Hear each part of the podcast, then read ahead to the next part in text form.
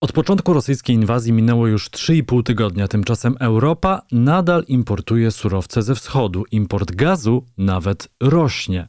Czy poza politycznymi gestami, także odważnymi, unijni liderzy zbiorą się na odwagę i wprowadzą embargo na rosyjski gaz, ropę i węgiel? co my, jako konsumenci, możemy i powinniśmy zrobić.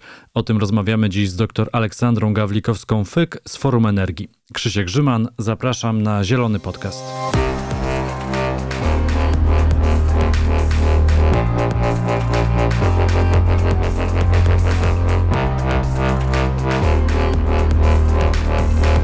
Gościnią Zielonego Podcastu jest dr Aleksandra Gawlikowska-Fyk, znana już zresztą y, w tym podcaście była gościnią, dyrektorka programu Elektroenergetyka w think tanku Forum Energii. Dzień dobry.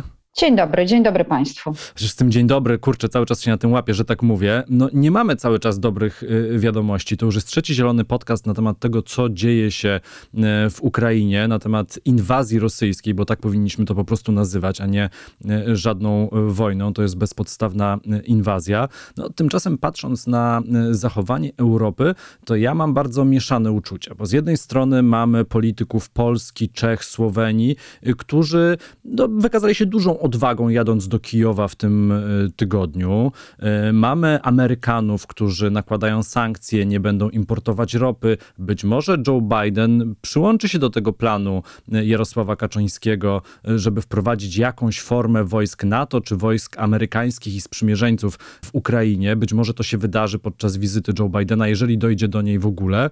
No a patrzę na to, co robi Europa i Europa wprowadza sankcje, no, z których najprawdopodobniej, tego oczywiście nie wiemy, bo Władimir Władimir Putin siedzi pewnie w jakimś schronie, e, ale on się z nich śmieje. Rzeczywiście, na samym początku 24 e, lutego i w kolejnych dniach ta reakcja na inwazję Rosji była, e, była szokiem dla Unii Europejskiej i na pewno nie widzieliśmy natychmiastowych działań. Potem rzeczywiście przyszła jakby ta świadomość, co się naprawdę dzieje u naszego sąsiada tuż za polską granicą, tuż za granicą Unii Europejskiej, e, doprowadziła do podjęcia e, wielu decyzji, wielu decyzji także sankcyjnych i myślę, że jednak to trzeba przyznać, ostrej i wspólnej reakcji e, państw członkowskich Unii Europejskiej. Teraz natomiast zgadzam się, że obserwujemy takie zawieszenie, to znaczy nie ma już takiej natychmiastowej chęci podejmowania znowu mocnych, silnych działań. Nie wiem, na co czekamy, bo sytuacja w Ukrainie jest w tej chwili tragiczna. W niektórych miastach jest to klęska humanitarna i, i rzeczywiście to nasze przywitanie dzień dobry jest wtedy kompletnie nie na miejscu. To, to muszę się z tym zgodzić, bo mam te same dylematy. E, natomiast nie widać tej decyzji w kluczowych obszarach, e, które jakby z mojej e, perspektywy, z mojej ekspertyzy, mojej znajomości tematu, to są oczywiście sankcje energetyczne. Więc tej decyzji jeszcze w tej chwili, w tej chwili nie ma. I mieliśmy w ubiegłym tygodniu spotkanie Rady Europejskiej, nieformalne spotkanie w Wersalu, i y, jednak też wszyscy się spodziewaliśmy, że tam będą konkrety, że będzie data wycofania się z y, importu surowców energetycznych z Rosji, że będzie jakiś plan objęcia poszczególnych właśnie tych surowców sankcjami. No tego w tej chwili nie ma. No, mamy za to datę wycofania się Polski z importu rosyjskiego gazu. To ma być początek 2023 roku. Wiadomo, że wtedy e, ma ruszyć już e, normalny e, tranzyt ropy z północy Europy do Polski nowym rurociągiem Baltic Pipe. Pewnie dlatego Polska może to ogłosić, a Unia Europejska się wstrzymuje, bo to wymagałoby albo zbudowania nowych połączeń tranzytowych, a to wiadomo, że będzie długo trwało, albo zapewnienia dostaw statkami z innych kierunków. No a to wszystko będzie kosztowało. Może po prostu powiedzmy sobie wprost, chodzi o pieniądze. Ja myślę, że chodzi o coś innego. To znaczy, chodzi o złą diagnozę e, jednak polityki rosyjskiej wobec Ukrainy, wobec Unii Europejskiej. Chodzi o złe narzędzia, chodzi o nadmierne zaufanie, że e, zmiana nadejdzie przez handel, także surowcami energetycznymi. W tej chwili to ta nadmierna zależność niektórych państw członkowskich przede wszystkim właśnie Niemiec. Ona niesie za sobą wymiar finansowy, ale to jest przede wszystkim konsekwencja realizowanej od lat polityki. To nie jest tak, że y, jeżeli mamy pozytywne działania Polski, to mo możemy powiedzieć, no tak, to przypadek. To znaczy, jakoś tak nam się wydawało, że być może Rosja będzie no, niestabilnym partnerem handlowym, a może jeszcze coś więcej nas czeka ze strony Rosji. To jest zła diagnoza, zła polityka w stosunku do Rosji. Więc teraz wydaje mi się, że nie możemy tego usprawiedliwiać sytuacją, no to będzie nas wszystkich kosztować, bo to i tak nas będzie kosztować. Mnie w tej dyskusji brakuje scenariusza, w którym Unia Europejska zaczyna się zastanawiać nad tym, co będzie, jeżeli to Putin przestanie dostarczać surowce energetyczne do Unii Europejskiej, bo to nie jest tak, że e, my mamy tutaj władzę, jesteśmy w stanie zaplanować najbliższe wydarzenia, powiedzieć, no dobrze, no w tym roku może uda się, no może jedną trzecią, a może dwie trzecie. Kompletnie to tak nie wygląda, bo, bo naprawdę sytuacja może się dramatycznie zmienić. I to już w przeciągu najbliższych dni, miesięcy, tygodni, a na pewno przed zimą, która zawsze jest takim newralgicznym momentem. E, I już nieraz te wstrzymania dostaw, e, szczególnie gazu z Rosji, no bo to jest infrastruktura sieciowa, no były w krytycznych momentach i, i to było, dotyczyło państw, czy, czy kiedyś Białorusi, Ukrainy, Polski, państw bałtyckich i tak dalej. Więc e, to, to nie jest, gdzieś tutaj brakuje znowu takiej, takiego otrzeźwienia, że już nic się więcej nie może wydarzyć ponad to. To znaczy, już jesteśmy w tym momencie, kiedy sankcje energetyczne nie mają żadnego kontrargumentu, bo to, że jest drogo, i tak będzie drogo. To, że jest trudno, no to, to tak naprawdę wszystko, wszystko przed nami i wszystko też może się wydarzyć nie tylko z, jakby tutaj z inicjatywy Unii Europejskiej. No mimo wszystko niesmaczne jest to rzeczywiście, że gdy patrzymy na statystyki, to import gazu z Rosji w tych ostatnich tygodniach rośnie, e, e, chociaż powinien zostać e, wstrzymany. No a propos tego, że Rosja może zamieszać na europejskim rynku, to widzieliśmy chociażby ostatniej zimy. Przecież te wzrosty cen rynkowych wynikały z zachowania Moskwy. No dobrze, to co może dzisiaj zrobić cała Unia? Jak się może uniezależnić? No zacznijmy od gazu, bo to wydaje się e, e, bardzo trudne. Z jakich kierunków go pozyskiwać, albo co innego można robić, no bo można też po prostu ograniczyć zużycie. Na pewno potrzebny jest y, taki miks wszystkich działań, ponieważ niektóre działania możemy wprowadzić szybko, nawet od ręki, niektóre będą wymagały średniego terminu, niektóre być może dużo dłuższego. I, i, i to y, z jednej strony właśnie potrzebujemy działań polegających na oszczędzaniu energii. Ona i tak jest droga, będzie coraz droższa, bo tak jak słusznie wspomniałeś, już w ubiegłym roku Rosja przygotowywała się do tego kryzysu, który wywołała najpierw tak naprawdę stosując wojnę energetyczną, bo to z celowych działań Rosji, nie napełniania magazynów e, w Niemczech, e, nie wysyłania dostaw takich bieżących, wynikały bardzo wysokie ceny. I te ceny czy gazu, czy także innych surowców energetycznych, a w konsekwencji energii, ciepła, paliw, będą dotyczyć wszystkich odbiorców. I y, my, jako Forum Energii, ale także inne instytucje, Międzynarodowa Agencja Energii, Unia Europejska, bardzo mocno zwracają uwagę, że efektywność energetyczna, rozumiana jako zmniejszenie temperatury y, ogrzewania w naszych domach, zmniejszenie temperatury w sieciach ciepłowniczych, oszczędzanie energii elektrycznej, y, zmiana mm, ogrzewania w nocy, w biurowcach, w miejscach, gdzie nikogo nie ma. To są niespektakularne narzędzia, ale one bardzo mocno w stanie, y, są w stanie ograniczyć mm, właśnie konsumpcję gazu i tutaj Międzynarodowa Agencja Energii podaje, że zmniejszenie temperatury w naszych domach w Unii Europejskiej o 1 stopień Celsjusza spowoduje redukcję zużycia gazu o 10 miliardów metrów sześciennych. To jest tyle, ile my importujemy, my jako Polska importujemy z Rosji to są y, działania nie do przecenienia. To jest na pewno jeden kierunek. Drugi kierunek to y, moim zdaniem też mm, próba zastąpienia tego surowca innymi kierunkami. To jest polityka dywersyfikacji dostaw energii. To robi Polska. To robią także inne kraje unijne i tutaj zdecydowanie rynek gazu skroplonego, czyli możliwość dostawy surowca drogą morską, jest tym obszarem, na który wszyscy patrzymy. Unia Europejska ma wiele terminali LNG, Niemcy nie mają żadnego i tutaj oni myślą o tym, żeby budować nowy, no ale to będzie działanie co najmniej kilkuletnie. Natomiast te, mm, ta infrastruktura nie jest wykorzystywana maksymalnie. Z jednej strony są możliwości eksportowe u eksporterów Stany Zjednoczone, być może Katar, a z drugiej strony są możliwości zwiększenia tego importu do Unii Europejskiej. Więc, więc to są dość istotne rzeczy, które można zrobić. No a w konsekwencji na pewno y, przeliczenie tego i oszacowanie tej ostatecznej daty odejścia od rosyjskiego gazu w Unii Europejskiej, nie w Polsce, tylko właśnie w Unii Europejskiej, też pokazywałoby, że Możemy zrobić dzisiaj bardzo dużo, nie wszystko, ale mamy plan i po prostu się nie cofniemy. Taki sygnał byłby bardzo, bardzo istotny w przypadku gazu. No, skoro pojawił się już temat Niemiec, to też mnie jeszcze cały czas trochę interesuje, tym bardziej, że w polskich mediach to się jakoś nie, przybija. Y, projekt Nord Stream 2 już y, został całkowicie skancelowany, jego już nie będzie?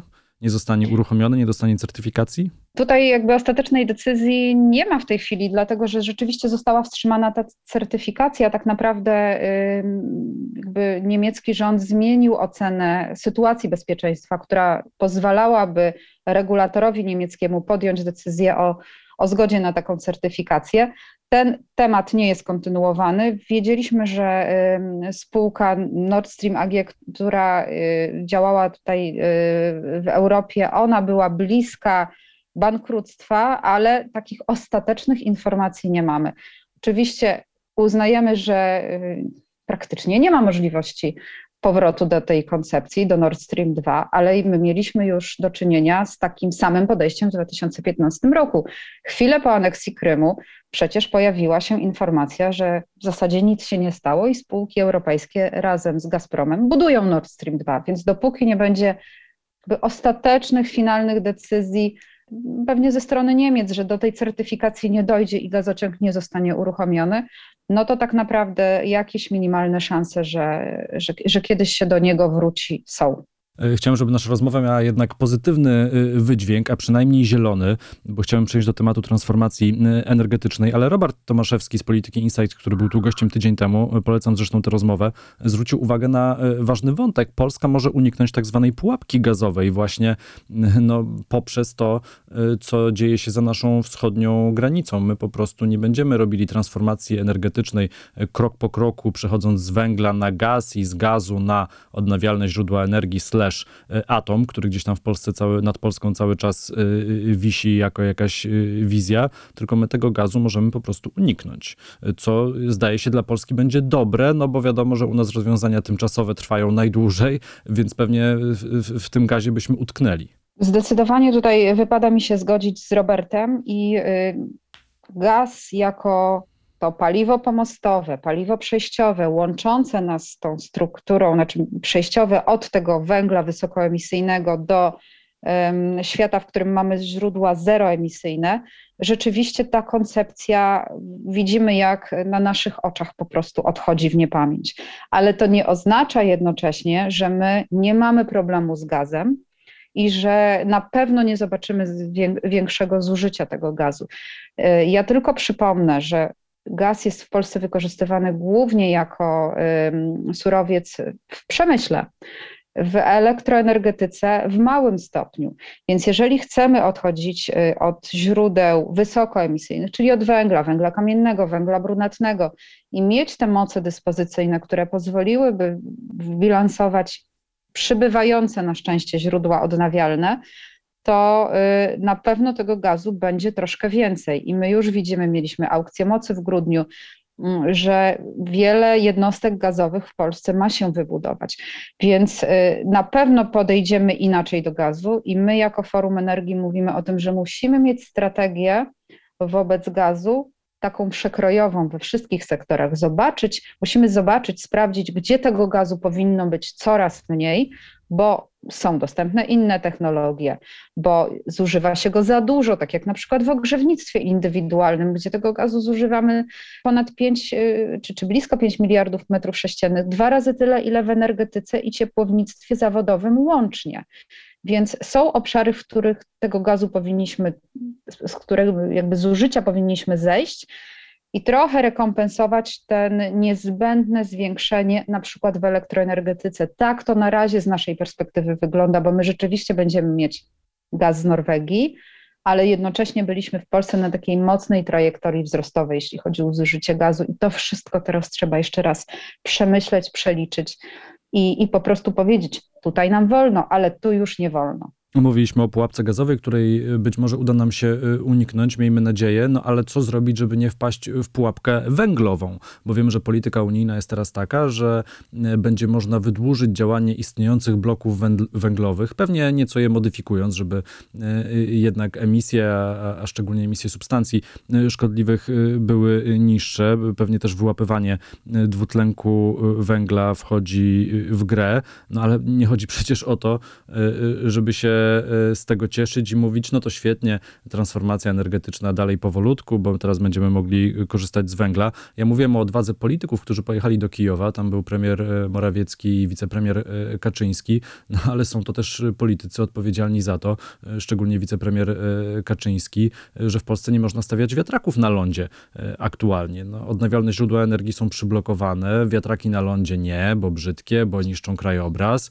PV, czyli fotowoltaika indywidualna już od kwietnia, czyli za dwa tygodnie, e, też nie będzie tak atrakcyjna dla indywidualnych inwestorów. No a jeżeli ktoś miałby zrezygnować z ogrzewania domu gazem i miałby przejść na pompę ciepła, która zasilana jest energią elektryczną, no to pewnie musi mieć sporą instalację fotowoltaiczną na dachu, żeby nie płacił kroci za ogrzewanie domu pompą ciepła bardzo dużo wątków rzeczywiście, które trochę nam się splatają już od lat i których y, nie widzieliśmy w Polsce, to znaczy nikt do tego nie podchodził jednak w taki kompleksowy sposób.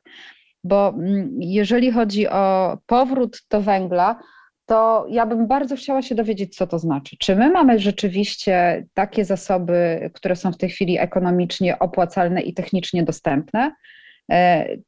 Bo jeżeli nie, no to skąd węgiel? Przecież i tak importujemy część węgla z Rosji. Y, I ten import, y, tak jakby on jest niewielki, ale w tej niewielkiej części dominuje Rosja, bo to jest 75% importu e, węgla z Rosji.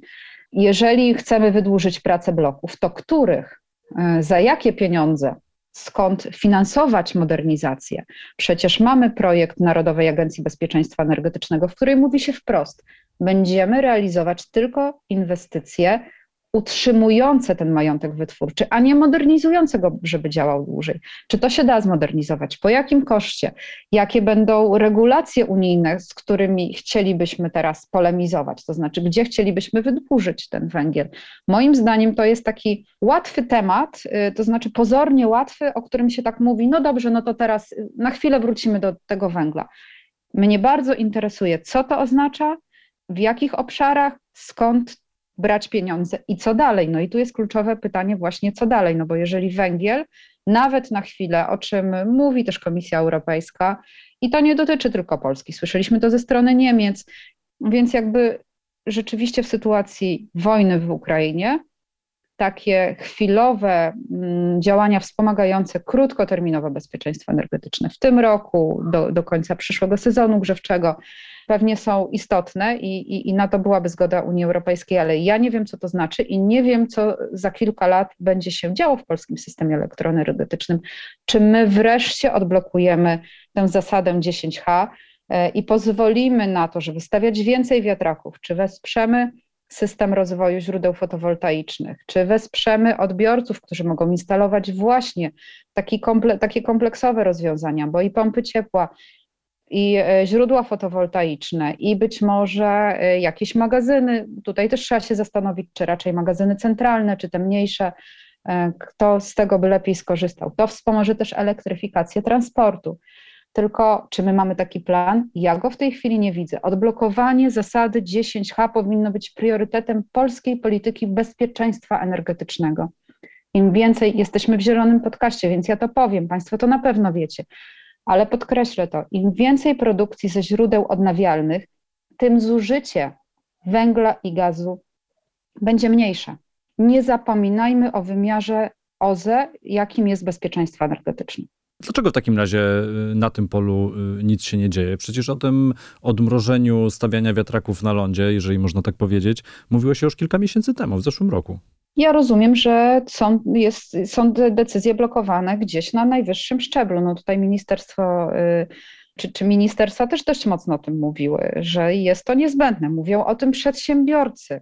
Także spółki państwowe. Potrzebujemy możliwości rozbudowy potencjału źródeł odnawialnych.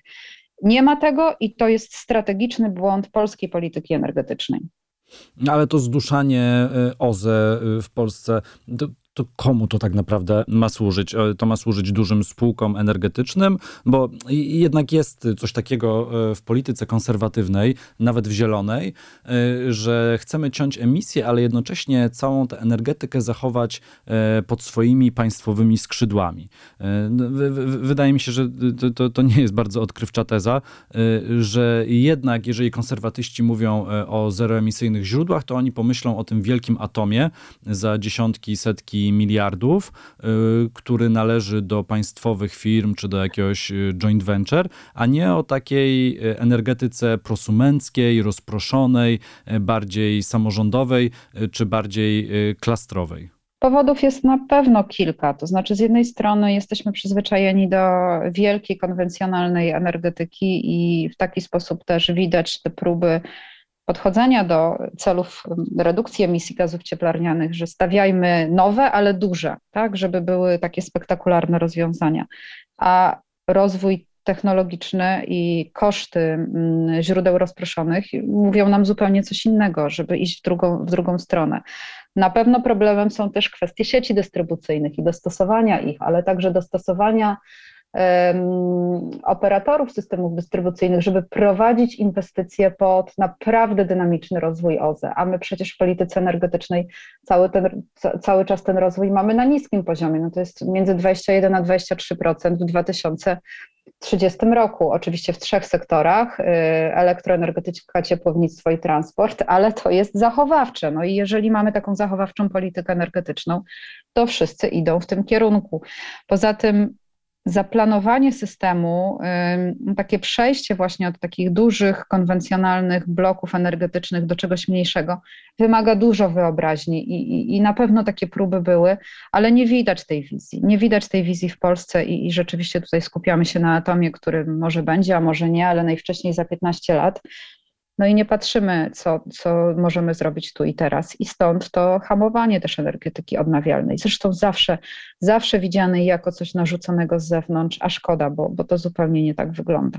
E, a czy mówiąc o OZE, powinniśmy zawsze jeszcze w jednym zdaniu wymieniać też biometan? No w tej chwili myślę, że y, na pewno będzie duża dyskusja o tym, na ile jest to możliwe do rozwoju w Polsce. Są kraje, które mają większy potencjał. No w tej chwili są y, ustalone cele dla biometanu, ale to jest też technologia, która potrzebuje systemu wsparcia. No musimy o tym pamiętać, że źródła odnawialne mają inną charakterystykę.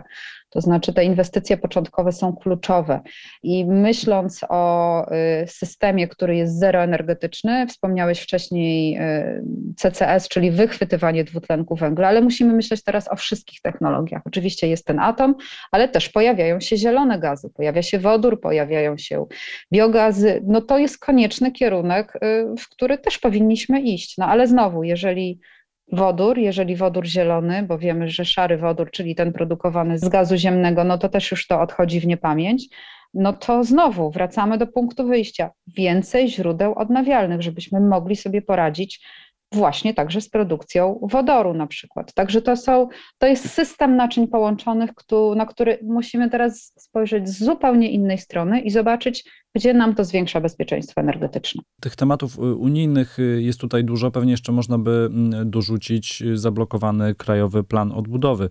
Te pieniądze pewnie też by się przydały. Odblokować jak najszybciej. Kolejny, kolejny cel strategiczny, zdecydowanie. Ale mam jeszcze pytanie a propos tych państwowych spółek, bo to jest ciekawy wątek. Mhm. Wiemy o połączeniu Orlenu z Lotosem. No tutaj też dość kontrowersyjna odsprzedaż części aktywów Lotosu do węgierskiego E, Mola i Audi, e, Saudi Aramco kontrowersyjny temat, no, a dzisiaj y, w tym tygodniu słyszymy y, o połączeniu Orlenu z PGNiG. O co chodzi w tych y, fuzjach państwowych spółek? Po co nam taki gigant i czy rzeczywiście takie fuzje następujące jedna po drugiej w szybkim tempie, gdzie słyszymy zawsze przed tymi transakcjami, przed tymi połączeniami, że będą super efekty, czy my rzeczywiście te efekty zobaczymy? Mówię my jako konsumenci, chociaż może bardziej, czy to dla państwa będzie korzystne dla bezpieczeństwa energetycznego, no bo ciężko jest przeprowadzić kilka fuzji jednocześnie, jeszcze do tego dorzucając sobie dystrybutora prasy, czyli ruch, czy na przykład wydawcę magazynów lokalnych, bo to wszystko należy teraz do Orlenu. Na pewno w tych działaniach Orlenu splatają się kwestie energetyczne i kwestie zupełnie pozaenergetyczne. I y, o ile dążenie do to, to, o czym wspomniałeś, jakby przejmowanie innych biznesów zupełnie niezwiązanych z energetyką, z tym sektorem nie ma nic wspólnego. No jest po prostu bogata firma, która może to zrobić i realizuje cele polityczne, więc jakby tutaj ja nie mam dużo do, do, do komentowania, wszyscy, wszyscy widzą, jak to wygląda.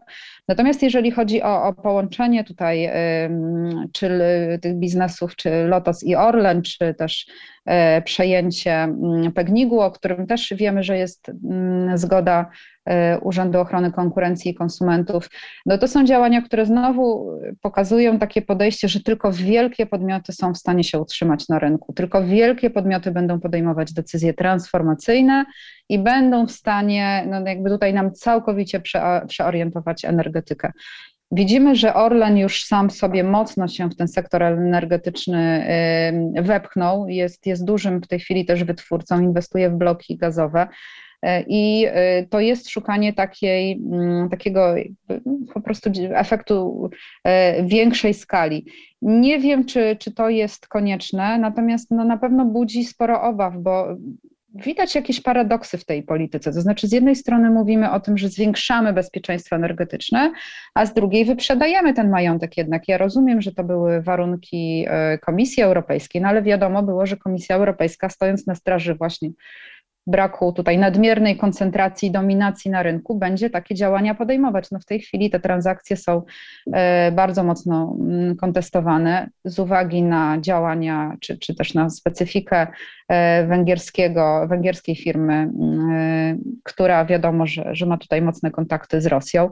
Także to jest Mam wrażenie, że takie dążenie przede wszystkim do tego, żeby był duży, silny podmiot, a niekoniecznie sprawdzamy, jaki to będzie miał skutek, czy mniejsze działania nie byłyby lepsze.